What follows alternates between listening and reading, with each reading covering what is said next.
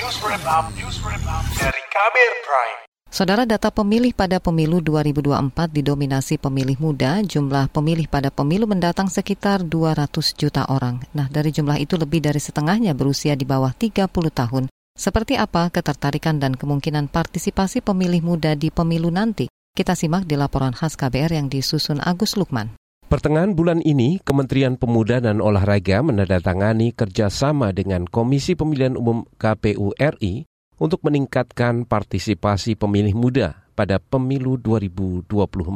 Menteri Pemuda dan Olahraga Dito Aryo Tejo mengatakan, dari diskusi dengan berbagai pihak, disimpulkan bahwa butuh sosialisasi yang relevan dengan kebutuhan generasi muda agar para pemilih muda lebih aktif dalam kegiatan politik. Dan inilah yang kita harapkan berkolaborasi dengan KPU nanti bisa memastikan dari 60 5 juta anak muda itu minimal bisa 90 persen Pak datang ke TPS. Sebelumnya, KPU RI merilis data angka pemilih untuk pemilu 2024. Jumlah total mencapai 204 juta orang lebih, didominasi pemilih muda dengan rentang usia 17 hingga 40 tahun. Jumlahnya mencapai 106 juta orang lebih atau sekitar 52 persen. Besarnya jumlah pemilih dari kelompok usia muda ini sempat memicu kekhawatiran tingkat partisipasi yang rendah atau banyak yang golput. Apalagi kelompok muda kerap dicap sebagai kelompok yang apatis atau tidak tertarik dengan kegiatan politik. Pada Mei lalu, kelompok buruh mengancam akan golput jika pemerintah tidak kunjung mencabut Undang-Undang Nomor 6 Tahun 2023 tentang Cipta Kerja.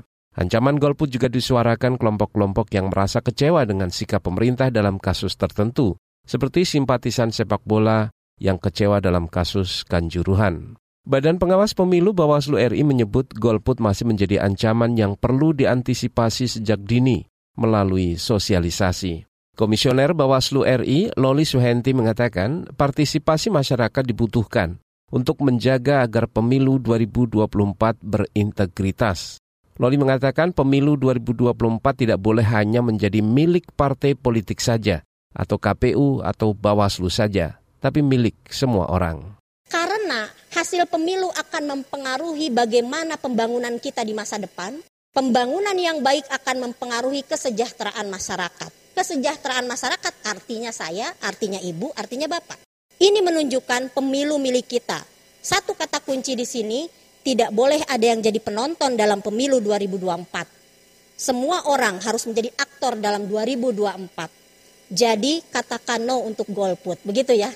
Berdasarkan hasil survei pada September tahun lalu, Lembaga Kajian Politik CSIS menyebut minat pemilih muda untuk aktif dalam politik formal seperti maju sebagai calon anggota legislatif atau kepala daerah sudah cukup baik. Meski begitu, pemilih muda tidak begitu tertarik untuk menjadi kader partai ataupun anggota partai politik. Peneliti CSIS Arya Fernandes mengatakan ketidaktertarikan itu diperkirakan karena belum tersedianya mekanisme politik di internal partai yang memungkinkan mereka berpartisipasi aktif sebagai kader atau pengurus. Jadi ke depan kita dorong, kita dorong partai-partai ini untuk ke depan bisa memberikan kuota khusus bagi pencalonan anak-anak generasi Z dan milenial, baik tidak hanya kuota khusus pencalonan tapi juga posisi posisi posisi strategis di partai misalnya ya di di DPR misalnya segala macam segala macam. Sementara itu optimisme pada pemilih muda disampaikan peneliti dari Perkumpulan untuk Pemilu dan Demokrasi Perludem Fadli Ramadhanil.